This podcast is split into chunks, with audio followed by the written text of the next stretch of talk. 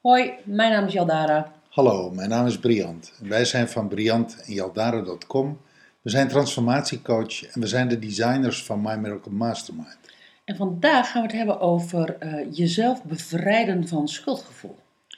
Ja, als je bezig bent met het veroveren op jezelf, je zelfliefde, want dat is wat ik altijd zeg. Zelfliefde, hoe meer zelfliefde je krijgt, hoe meer zelfliefde je toelaat, hoe meer zelfliefde je ervaart. Dat proces is eigenlijk jezelf veroveren op jezelf. Zo noem ik dat altijd.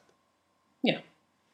Want waar moet je doorheen? Je moet door die stukken heen waarin je niet van jezelf houdt. Waarin, ik zeg altijd maar, waar geen licht is. Waar het donker is, waar het boos is, waar het verdrietig is, waar het, waar het, Angstig is. waar het verwond is. Ja. En eh, die stukken van jezelf, die breng je aan het licht. Dat is, het, ja, dat is misschien het meest makkelijke om het zo te zeggen.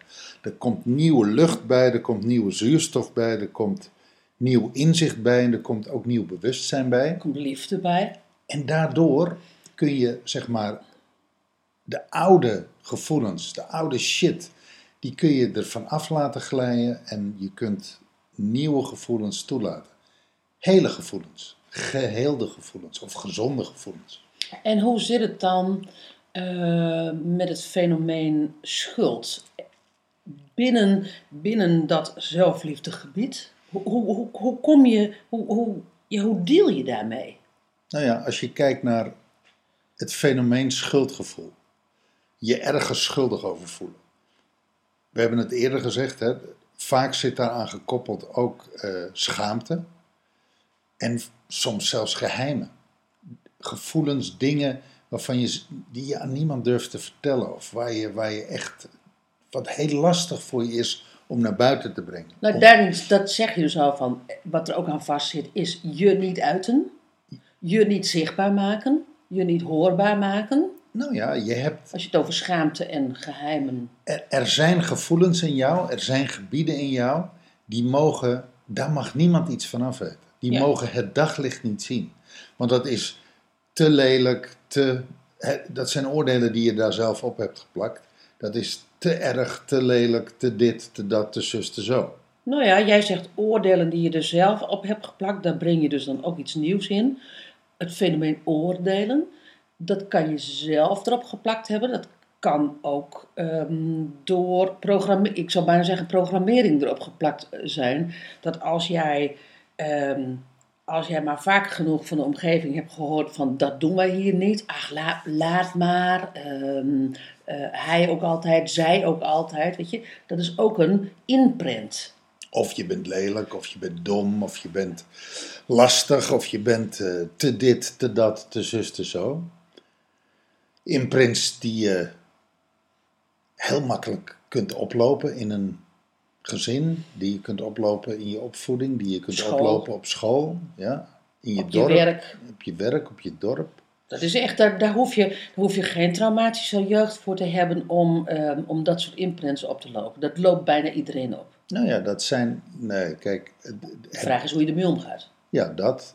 En we zijn natuurlijk geneigd om te zeggen, een- je hebt een traumatische jeugd gehad als het heel, als het heel erg is geweest. Ja. Weet je, als je, als je iedere dag bent afgeranseld of iedere dag bent verkracht of iedere dag bloot bent gesteld aan geweld in welke vorm dan ook. Dat noemen we een traumatische jeugd of je komt uit een oorlogssituatie. Maar die imprints waar, zeg maar, waar jij gewond bent in je zelfliefde en in je zelfvertrouwen, die zijn eigenlijk ook traumatisch. Dat, dat zijn ook kleine trauma's. Dat noemen we niet zo. We noemen dat niet een traumatische jeugd. Maar als je daar goed naar kijkt, heeft bijna iedereen wel aspecten in zijn jeugd meegemaakt. Heb je wel, eh, ben je op een niveau wel blootgesteld aan ja, laat ik het zeggen, patronen die af hebben geknabbeld aan jouw zelfvertrouwen, aan je zelfrespect en aan je zelfliefde. Ja, maar daar is ook geen ontsnappen aan. Want, want in je leven eh, kom je altijd in een situatie van... Oeh, kijk uit, eh, doe die dit, dat soort achtige zinnen. Waarop eh, zelfs hele jonge kinderen een besluit nemen. Ik mag dus niet.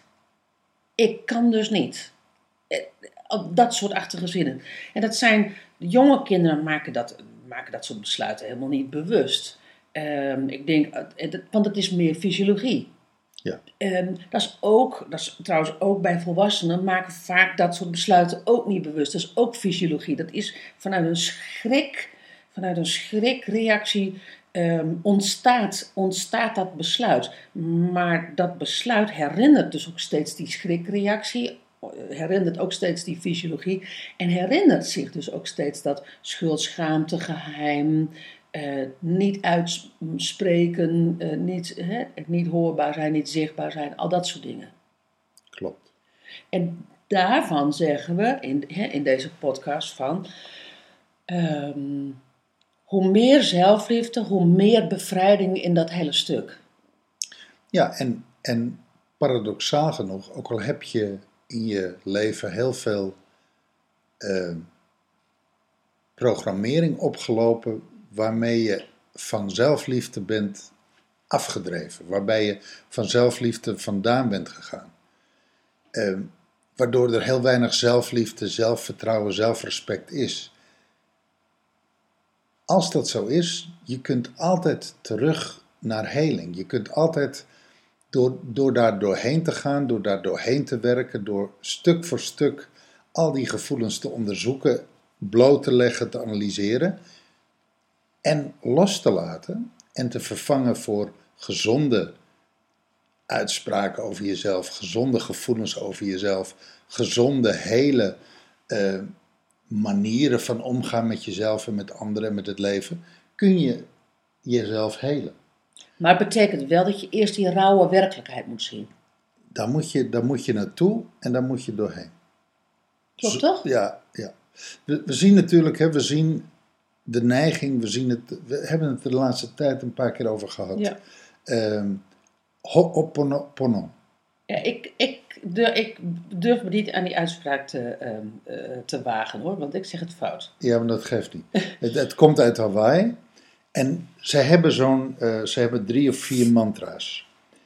En je ziet het ook bij mindfulness.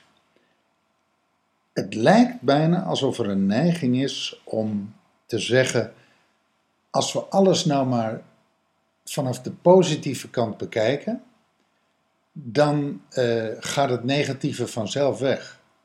En wij zeggen altijd: als je niet kijkt naar je bang, boos, blij en daar niet mee dealt en dat niet, zeg maar, heelt, daarin gaat, dat uitgraaft, dat released en dat heelt, ja, dan kom je er niet.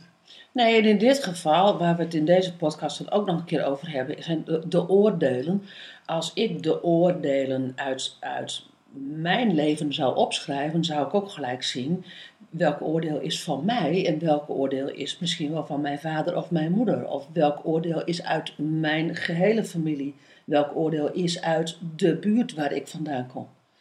Eh, en daarmee krijg ik dus ook zicht op wat is van mij, wat is niet van mij. Dat wil niet zeggen dat het dan gelijk geheeld is.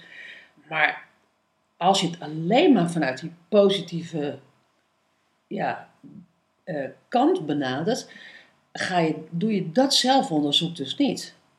Nee, en je gaat voorbij aan een heel wezenlijk stuk van jezelf, Ja. namelijk het gewonde stuk.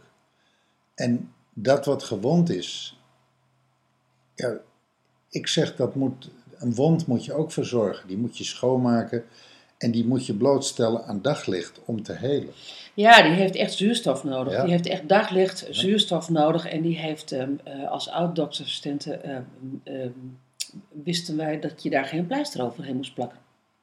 Nee, als je, althans als je niet, Niet wil, over dat soort wonden. als je niet wil dat het gaat rotten en Precies. gaat stinken. Ja. Precies. Nou, ehm, kortom, de uitnodiging om eh, onder, onder de motorkap te kijken, eh, om meer naar zelfliefde te gaan. Nou ja, om je te bevrijden van Ja. alles waar je schuldgevoel over hebt. Ja, En, en begin inderdaad maar eens gewoon om het op te schrijven. Ik voel me schuldig hierover. Ik schaam me hierover. Ik, eh, en, en zomaar doorgaan. ik heb gewoon, oordeel hierover. ja. Ik beoordeel dit, ik veroordeel dit. Nou ja, en de volgende stap is dan misschien om dat te gaan helen. En hoe je dat doet, dat vertellen we je in een volgende podcast. Dankjewel voor het luisteren en tot morgen. Hoi.